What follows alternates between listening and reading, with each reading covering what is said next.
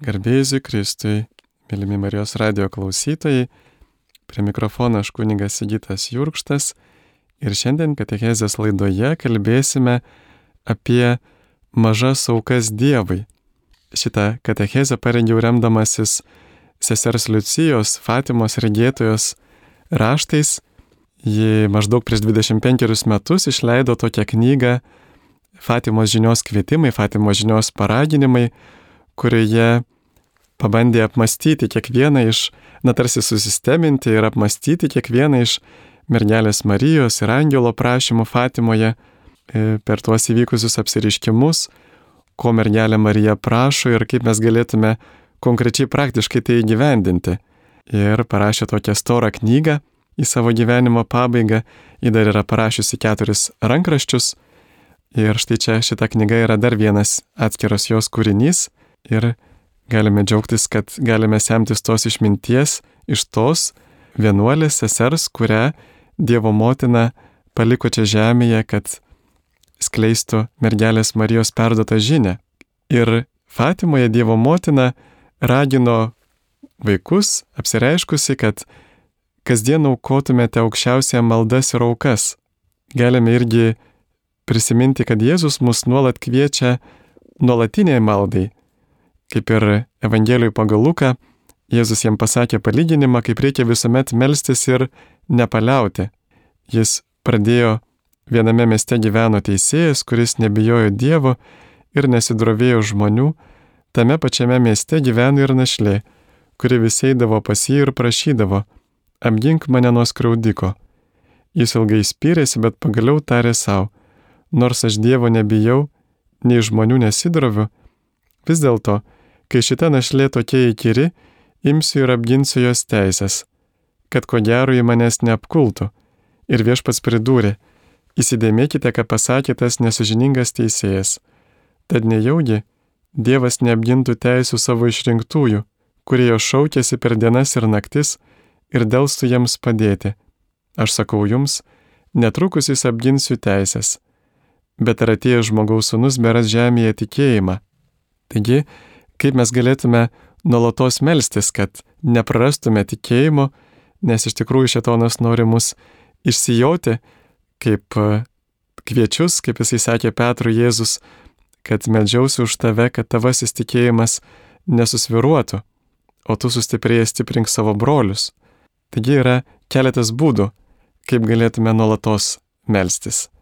Vienas būdas tai mums žinoma, ypatingai rytų ortodoksų bažnyčios praktikuojama Jėzaus malda ar bet kuri kita trumpa malda, kaip ir Jėzaus maldoje sakome žodžius viešpatie Jėzau Kristau pasigilėk manęs nusidėlio, arba šventai Faustinai Jėzus apsireiškęs ir paprašęs nutapyti jo gailestingumo paveikslą, prašė užrašyti Jėzau pasitikiu tavimi. Yra daug įvairiausių trumpų maldų, kurias galime nuolat kartoti ir tokiu būdu e, vis sugrįžti į Dievo akivaizdą vienytis su Dievu, taip pat, kaip sako šventasis Siluanas, mylėti Dievą jokiam darbui netrukdo. Jėzus kai kurios šventuosius, pavyzdžiui, net šventą Kutriną Sinėti asmeniškai per apsiriškimus mokė tokiu būdu nuolatos vienytis su juo, stengtis nuolatos jį mylėti. Taip pat e, yra liturginės valandos, kitas būdas, kuriuo pašvenčiame, e, bandome pašvesti visas dienos valandas, bet aišku, ne kiekvieną, su liturginiam valandomis. Mes turime tris, e, vienuolynai turi kartais net ir e, kelias, net ir devynes ar septynes liturginės valandas. Taip pat troškimas pagal Šventąjį Augustiną jau yra malda. Kada mes trokštame Dievo net ir tarp savo darbų, e, tai mus atgražia į Dievą. Tai jau yra malda. Bet vien maldos neužtenka. Jėzus šventai Faustinai kalbėjo, kuo labiau pamilsi kančią, tuo tyresnė bus tavo meilė. Ir iš tiesų, visi žmonės žemėje ieško meilės, bet labai nedaugeliui pavyksta mylėti. O kodėl? Nes meilė susijusi su pasiaukojimu. Štai mes todėl ir kalbame apie mažas aukas Dievui, kas iš tiesų yra pratyba kaip mylėti, konkrečiai kasdienybėje ir kartu netyra meilė jinai yra susijusi su, na, malonumo siekimu. Visi žmonės nori mylėti taip, kad jiems būtų malonu. Bet Jėzus sako, Faustinai, kuo labiau pamilsi kančią, tuo tyresnė bus tavo meilė. Tai reiškia, kad e, mes turime mokytis mylėti tuo met, kai tai yra nemalonu. Netgi Jėzus prisiminkime ant kryžiaus e, ir dar prieš tai neždamas kryžių, jisai patyrė daugiausiai įvairiausių įžeidimų, paniekinimų, primušimų, jis tiesiog buvo visiškai, na, visiškai sutriuškintas, galėtume sakyti. Ir jisai tai prisėmė laisvą valią iš meilės mums, kad galėtų atsilyginti už mūsų nuodėmės. Ir mergelė Marija Fatimai mus taip pat moko, kada mes patiriam kažkokią tai kančią, aišku, dažniausiai mūsų gyvenimas susideda iš daugybės mažų, nedidelių kentėjimų, sakyti, Jėzau iš meilės tau už nusidėjėlio atsivertimą ir kaip atsilyginimo už Marijos širdžiai padarytas nuodėmes. Fatimos žiniuje visą laiką dar yra ir tai, kad mes esam kviečiami ne tik atsilyginti už Jėzui, Jėzaus širdžiai padarytas nuodėmes, bet taip pat ir už mergelės Marijos širdžiai padarytas nuodėmes per įvairius jos niekinimus, jos nepripažinimus, jos e, įvairių malonių dovanų, kurias Dievas jai suteikė, pavyzdžiui, nekalto prasidėjimo ar tai, kad jinai yra visų žmonių motina, e, jos jos viso gyvenimą trunkančio tyrumo, taigi arba per žaidimus, kuriuos mes jį padarome mokydami žmonės, kad e, nereikia melstis mergeliai Marijai, kad nereikia visiškai jai rodyti dėmesio, visą dėmesį skirti Jėzui. Iš tiesų, pamaldumas mergeliai Marijai mus kaip tik su, suartina su Jėzumi. Marijos didžiausias troškimas išmokyti mus, kaip jinai sako, kanos vestuvėse, daryti tai, ką jis mums lieps.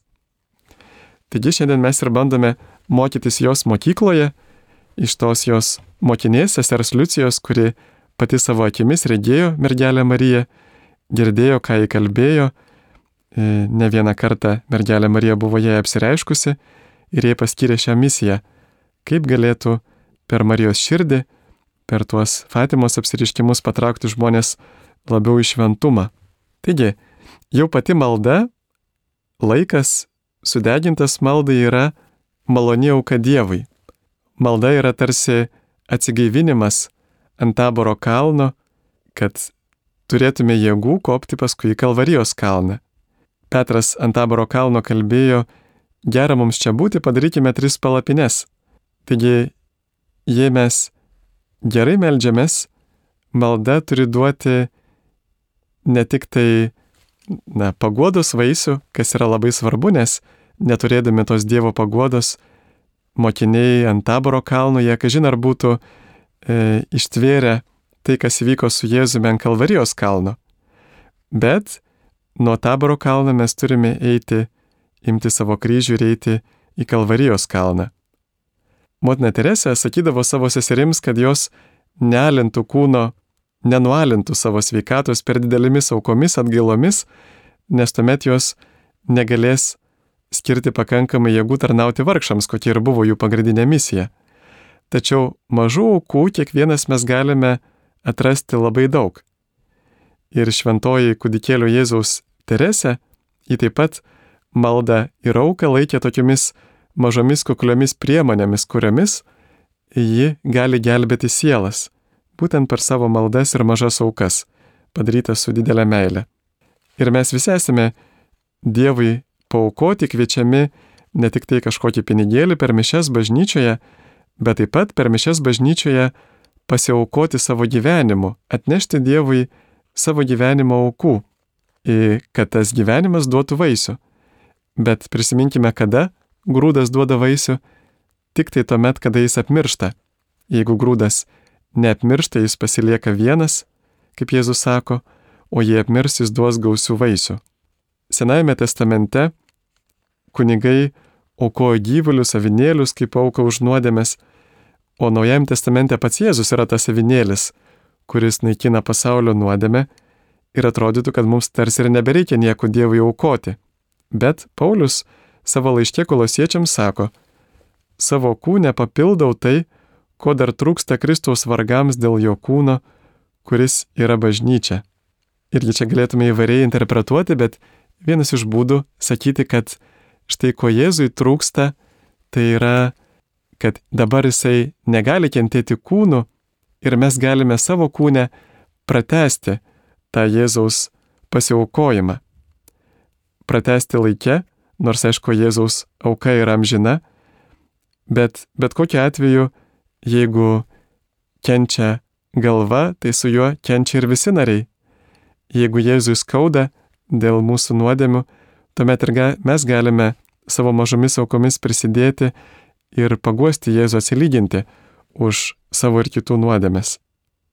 Ir kaip kunigai kasdien aukoja tėvui per mišes Kristaus auką, kad permaldotų už pasaulio nuodėmės, mes irgi kiekvienas iš mūsų, net ir tie, kurie nėra kunigai, esame pašaukti aukoti su Kristumi.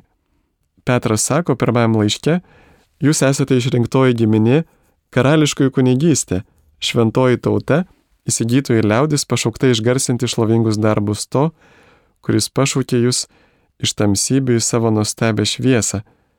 Seniau ne tauta, dabar Dievo tauta, seniau nerado, neradę gailestingumo, dabar jį suradę. 2007 m. sausio 2 d. toksai 50 metais karinio jūrų laivyno veteranas, tuo metu dirbantis statybininku, Vesli Outrey, prieš savo darbą vedė savo dukrytės 4 ir 6 metų namo ir jis ėjo pro metro ir staiga metro stotyje vienam 20-mečiui jaunuoliui prasidėjo epilepsijos priepolius ir jis pargriuvo. Dvi moteris jį pribėgo pakelti, jis atsikėlė, tačiau paslydo ir nukrito nuo krašto ant metro bėgių. Ir kaip tik tuo metu jau pasimatė atvažiuojančio traukinio numeris vienas šviesos ir te buvo likusios, na, labai nedaug sekundžių ir Veslis turėjo primti staigų sprendimą. Jis, nepaisant to, kad buvo su dviejomis dukrytėmis, jisai šoko ant bėgių ir savo kūnų uždengė tą 20 metį jaunuolį Cameroną. Traukinys jisai pradėjo stabdyti, bet, aišku, nesuspėjo sustabdyti ir dar penki vagonai pravažiavo virš jų galvų Žmonės pradėjo klykti ir tada išgirdo balsą iš patraukinio, su mumis čia pačioje viskas gerai, bet ten viršuje yra mano dvi dukros, pasakykite joms, kad man viskas gerai. Jie buvo tik tai keliolika centimetrų nuo traukinio apačios, kuris bevažiuodamas virš Vezlio jis ištepalavo jo kepurę. Ir Cameronas Holopeteris buvo New Yorko filmo akademijos studentas. Ir būtent jį Vezlis išgelbėjo tiesiog visai nepažįstamą žmogų, šokdamas ant traukinio bėgių. Ir jisai jį lankydamas vieną kartą prieš savo naktinę pamainą, užeidamas pas jį ligoninėje, jisai jam sako, aš nepadariau nieko ypatingo, tiesiog pamačiau, kad kažkam reikia pagalbos, padariau tai, ką jaučiau esant teisinga. Taigi Dievas kviečia mus aukotis. Ir, kaip sako šventoji Teresėlė, ne visi galime būti tokie didvyriški, ne visi galime padaryti didelius žygdarbius, aukoti didelės aukas, bet visi galime paukoti, atrasti progui kasdienybėje, paukoti Dievui daug mažų aukų. Juk ir jeigu turėtume, pavyzdžiui, vieną sunku akmenį arba daugybę mažų akmenukų, jie galėtų sverti tiek pat. Taigi, motina Teres irgi sakydavo, jei negali pamaitinti šimto, pamaitink vieną. Tad malda be pasiaukojimo yra lik lapai be vaisių. Jei malda yra tikra, ji turi taip keisti mūsų širdį, daryti mus gailestingesnius, jautresnius, artimo kančiai, kad sutiktume kažką paukoti, kad palengvintume artimo kančią. Ir kuo situacija būna sunkesnė, kuo didesnės krizės, pagundos, kaip matome ir šių dienų, bažnyčioje, pasaulyje, yra be galo sunkus laikas tiek Lietuvoje didžiulės krizės, tiek Ukrainoje, tiek bažnyčioje įvairios krizės, tuo mūsų malda turi būti ilgesnė ir ištvermingesnė. Apie Jėzų Alyvo sode rašoma, jis moko mus savo pavyzdžių, mirtino sielvarto apimtas jis dar karščiau meldėsi. Jo prakaitas pasidarė tarsi tiršto kraujo lašai, varvantis žemėn. Jėzus norėjo, kad mokiniai pabudėtų kartu su juo maldoje taip pat. Ir mokiniai iš to sielvarto, jie kaip tik iš liūdėsio ėjo miegoti, bet Jėzus iš sielvarto neėjo nei išgerti vyno, nei pasiguosti su draugais, nei prasiblaškyti teatrą, bet mirtino sielvarto apimtas jis dar karščiau meldėsi. Ir kai 1917 metais trims vaikams Fatimoje, Portugalijoje apsireiškė mergelė Marija, tai buvo pirmojo pasaulinio karo laikas, buvo labai sunkus metas, bet vis dėlto tai nebuvo dar pats blogiausias dalykas, kuris turėjo įvykti, nes mergelė Marija pranašavo toliau, jei žmonės manęs paklausys, šitas karas pasibaigs, kareiviai grįš į savo namus, bet jeigu nepaklausys, įvyks kitas, dar baisesnis karas, Rusija paskleis savo klaidas po pasaulį, sukels popiežiaus ir bažnyčios persekiojimus, daug tai tautų bus sunaikinta. Ačiū Dievui tai dar neišsipildė, bet mes nežinome, ar tai neišsipildys, nes visą laiką yra grėsmė, kad šitie žodžiai gali išsipildyti. Bet galiausiai, pažadėjo mergelė Marija, mano nekalčiausio iširdis triumfuos. Rusija atsivers ir pasauliu bus suteiktas taikos laikotarpis. Taigi mergelė Marija mus užtikrino, kad štai vieną dieną Rusija atsivers ir bus taika. Bet šiandien matome, kad taip nėra. Ir mes gyvename laisvoje Lietuvoje jau 30 mečius, jau daugiau negu 30 mečius. Mes ekonomiškai gyvenam geriau negu bet kada istorijoje, tačiau visi suvokiam, kad visa tai yra labai trapu. Mūsų pačių moralė yra labai trapi, jau mūsų tėvinėje krikščionybė jau yra nebekrikščioniška, tik tai, e, na, tokia patogi, prisitaikėliška, e, dauguma krikščionių tik tai vadina save krikščionėmis, bet visiškai nebenori stovėti už tam tikras krikščioniškas vertybės, kad ir, pavyzdžiui, šeimos vertybės. Mūsų kunigų gyvenimas dažnai nėra toks, apie kurį Jėzus svajoja, dažnai papiktiname kitus, mūsų jaunimas turi įvairiausių pagundų daugiau negu bet kada iki šiol istorijoje. Ir šitaika yra labai trapi.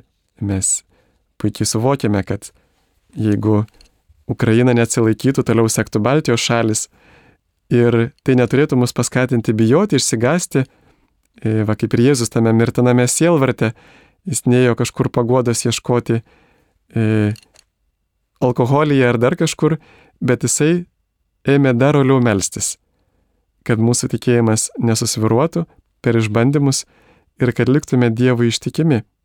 Ir būtent mūsų alumą gali labai sutvirtinti tos mažos aukos, kurias kartu su maldomis Dievui Fatimoje vaikus mokė aukoti angelas. Jisai sakė, iš visko, ko galite, aukokite Dievo aukas kaip atsiteisimo už nuodėmės, kuriomis jis yra įžeidžiamas, ir maldauti vargšų nusidėlių atsivertimo.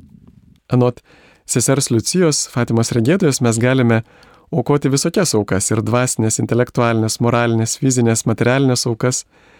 Vienomis aplinkybėmis galime paukoti vienus dalykus, kitomis aplinkybėmis kitus. Svarbiausia, rašo sesuo Liucija, kad būtume nusiteikę pasinaudoti tomis progomis, mus ištinkančiamis, padaryti Dievui kokią nors mažą auką. Ypač kad mes mokėtume, kaip prašo jį pasiaukoti, kai to reikalauja mūsų pareigos Dievui, artimui ir savo patiems. Ir dar labiau tuomet, kai šis pasiaukojimas yra būtinas tam, kad nenusižengtume Dievo įsakymams. Tuomet mūsų pasiaukojimas turi būti privalomas, nes privalome kuo labiau aukotis, kad nenusidėtume, juk nuo to priklauso mūsų amžinasis išgelbėjimas rašusios Oliucija. Ir šiame kontekste paskaitykime tuos Jėzaus žodžius, jei kas nori eiti paskui mane, tai išsižada pats savęs, teima savo kryžių ir teseka manimi. Kartais atsižadėti, imti savo kryžių ir sekti Jėzumi reikia tiesiog tam, kad nepasiduotume pagundai į nuodėmę. Kokia nauda, sako Jėzus, būtų, jei žmogus laimėtų visą pasaulį, o save pražudytų ar savo pakenktų. Anot sesers Liucijos, to viešpats nori mus sužadinti mūsų pasiryžimą, kad mes verčiau paukotume savo gyvybę, negu padarytume nors vieną sunkę nuodėmę, per kurią galime prarasti amžiną gyvenimą. Ir tuo labiau turime daryti mažesnės aukas, jei to reikalauja Dievo įsakymai, kad išsaugotume amžiną gyvenimą. Turime atsižadėti ne tik nuodėmės, bet ir viso to, kas gali vesti į nuodėmę, turime vengti nuodėmės progų.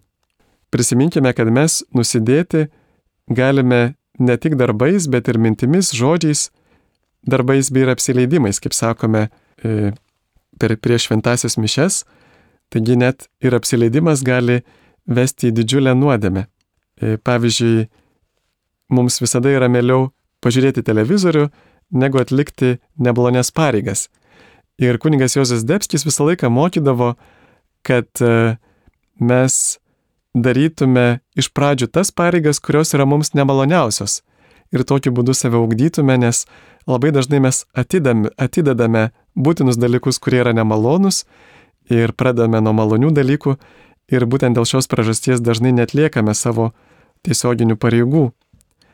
2016 metais vasarį Vokietijoje, Bavarijoje susidūrė du traukiniai. Kaktomušas susidūrė du traukiniai lėkiantis 100 km per valandą greičiu, nes eismo kontrolierius tuo metu savo telefone žaidė kompiuterinį žaidimą ir įjungė ne tą kelią, sujungė du traukinius važiuoti vienas priešais kitą ir taip netgi išjungė automatinę apsaugos sistemą ir šeštą ryto tie traukiniai susidūrė, žuvo 11 žmonių, 85 buvo sužeisti, kai kurie iš jų sunkiai grėsė jiems pavojus gyvybei.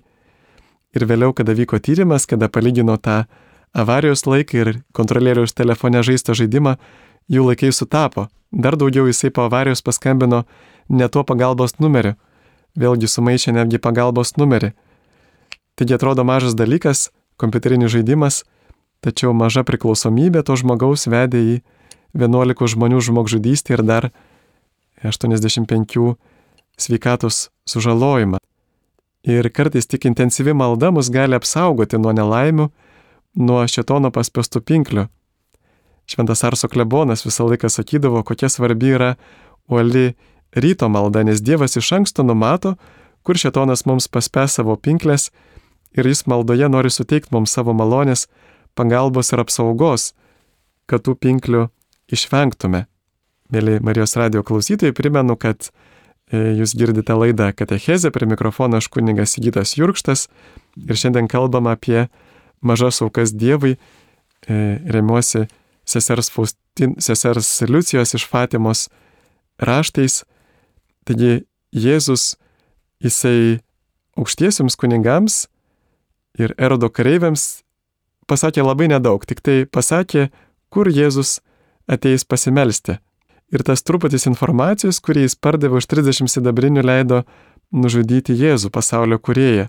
Taigi maži dalykai gali vesti į didžiulius, didžiulės nelaimės ir tuo tarpu taip pat mažos aukos, kaip liudė ir šventos teresėlės patirtis, kada jinai meldėsi aukojasi už mieste žinomą nusidėlį ir prieš pat mirties bausmę jis pabučiavo kryžių. Buvo apie tai parašyta laikraštyje ir ji be galo džiugavo, kad Dievas išklausė jos maldos ir kad ji tokiu būdu gali gelbėti sielas. Taigi, dar turime e, vieną klausimą. Prašau paaiškinti, kas tai yra pareigos savo. Labai geras klausimas. E, mes dažnai girdime tuos žodžius, kad turime mylėti save, nes kitaip negalėsime mylėti kitų. E, iš tiesų tai tas pasakymas nėra visai tikslus, nes e, pagal apibrėžimą egoizmas ir yra tai, kada mes teikiame pirmenybę meiliai savo prieš meilę kitiems. Tai yra egoizmas. Jėzus nemoka egoizmo, bet, na, pavyzdžiui, tam tikrom situacijom, kaip sakoma, pavyzdžiui, lėktuve mokoma, kad pirmą turi užsidėti kaukę savo, nes degonės kaukę, nes tik tai tada galėsi išgelbėti kitus, pavyzdžiui, savo vaikus, kurie su tavimi.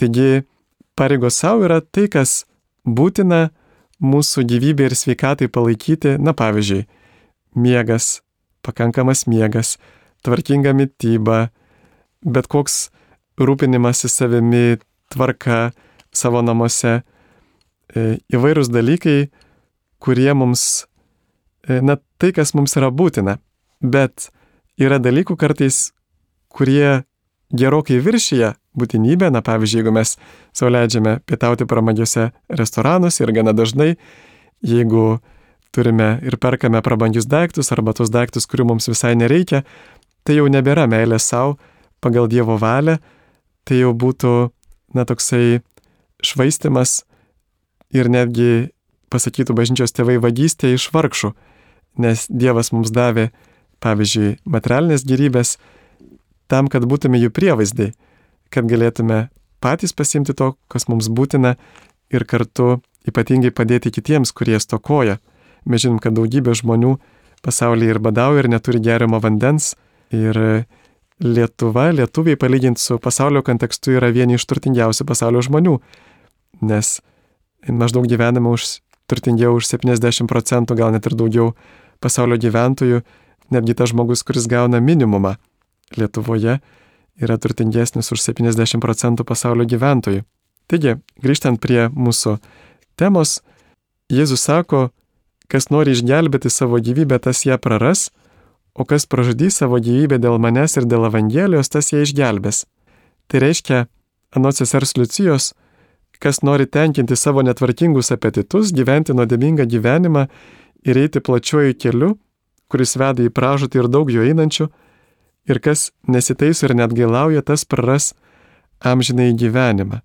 Ir šiuolaikinis žmogus yra praradęs nuodėmės suvokimą ir dažnai ne tik, kad pats visiškai nebrangina savo įvairių, nebrangina savo, pavyzdžiui, sielos keistumo, bet dar ir šaiposi iš tų, kurie, pavyzdžiui, saugos keistumą, kurie stengiasi nenusidėti.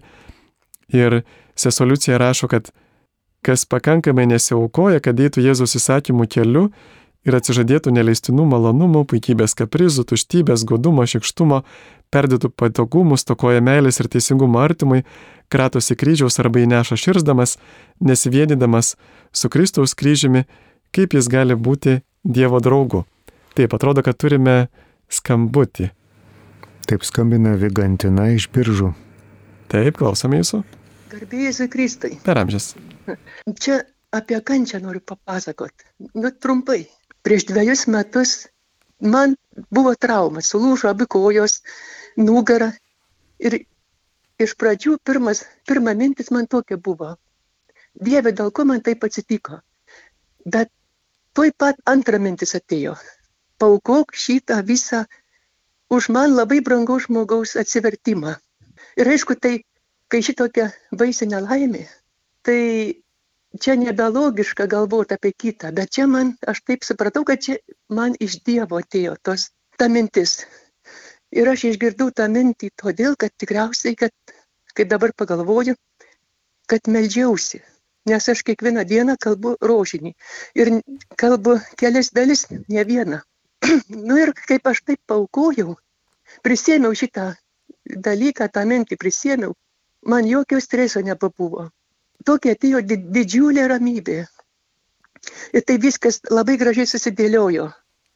Dar keliai buvo sveiki, tada keliais parėjau namo, pasėmiau telefoną, įsišaukiau greitąją ir paskui viskas labai, viskas gerai buvo. Iš pradžių operavo nugarą, paskui po dešimt dienų kojas operavo, bet man nebebuvo jokios baimės.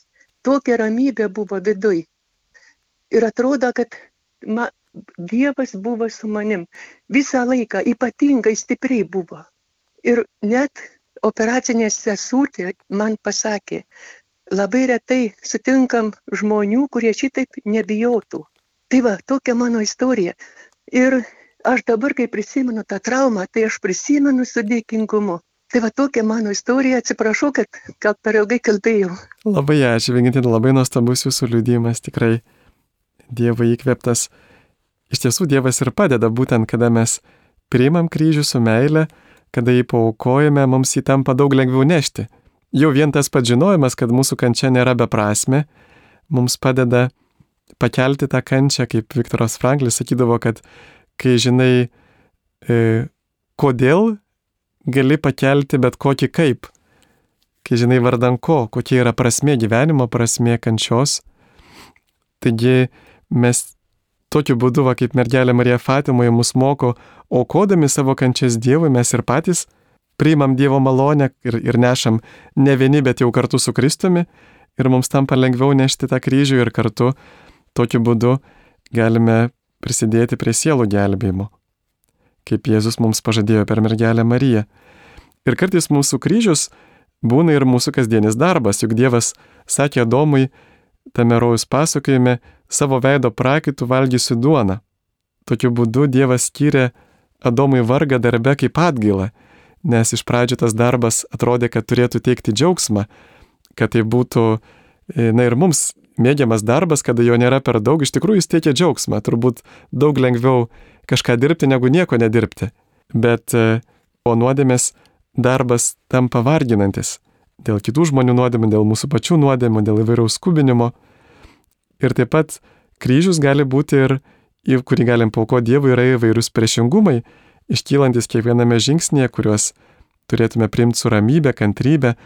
Kryžius galėtų būti ir netikėti pažeminimai, kuriuos turime priimti, pripažįstant, kas mumise yra netobula, nesiginant, kad štai čia kalbi nesąmonės, bet iš tikrųjų priimti, kad mes tikrai turime tuos netobulumus ir taip pat turime nusispręsti pasitaisyti su dideliu pasitikėjimu Dievu, kuris visuomet geros valios sieloms e, jisai padeda pakilti ir gyventi tobuliau, būti geresniems, rašo sesuo Liucija.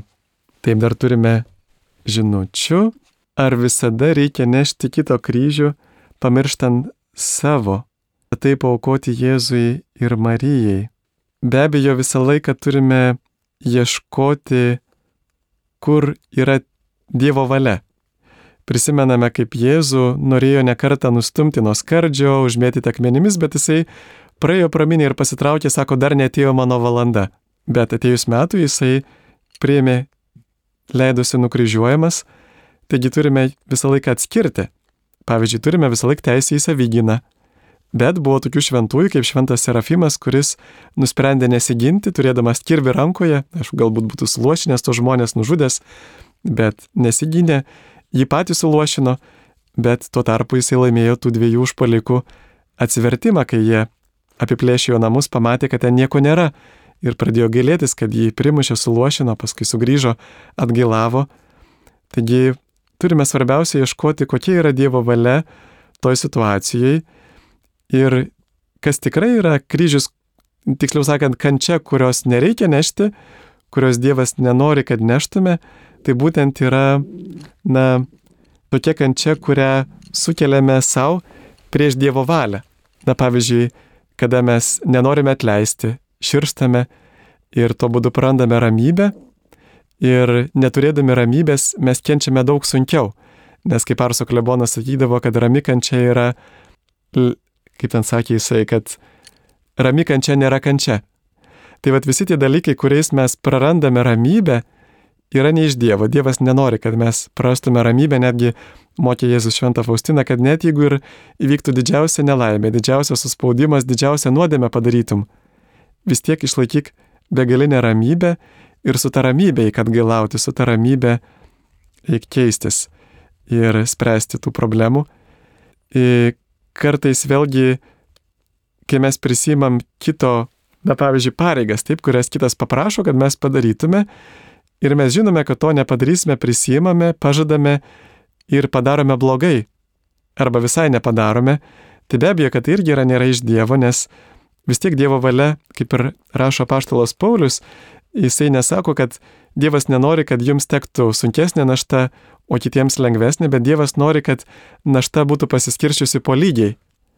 Ir dėl to vienu metu vienos bažnyčios paremdavo kitas bažnyčias, kurios būdavo e, suspaudime, kit, kitų metų, sako, jūsų perteklius papildo mūsų nepriteklių ir tokiu būdu ateina lygybė. Taigi vis tiek reikia ieškoti Dievo valios, e, kada mes tiesiog, Jėzus sako, pažinsite tiesą ir tiesa padarys jūs laisvus.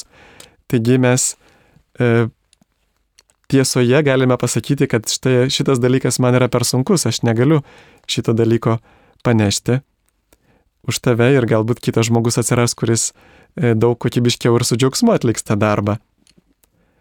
Va, tai vis tiek turime būti ir, ir gudrus, ir išmintingi.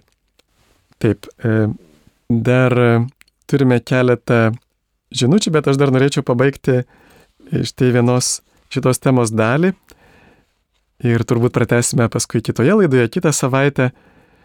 Taigi, jeigu mes įžeidžiame Dievą, Dievas taip pat kviečia atsilyginti ne tik už savo, bet ir už kitų nuodėmės, už savo artimą nuodėmės. Tai va čia būtų tas kryžius, kurį Dievas kviečia nešti, tai būtent savo kančią, savo mažas aukas aukoti ne tik už savo, bet ir, ir už artimo nuodėmės ir atsivertimą.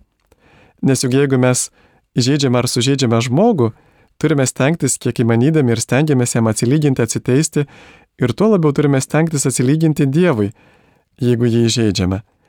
Ir geriausias atsilyginimas, sako sesuo Liucija, tai prie atsiprašymo ir atleis mūsų mūsų kaltes pridėti ir pasiryžimą pasitaisyti, prašymą pagalbos ir apsaugos žodžiais ir neleisk mūsų gundyti, bet gelbėk mus nuo pikto.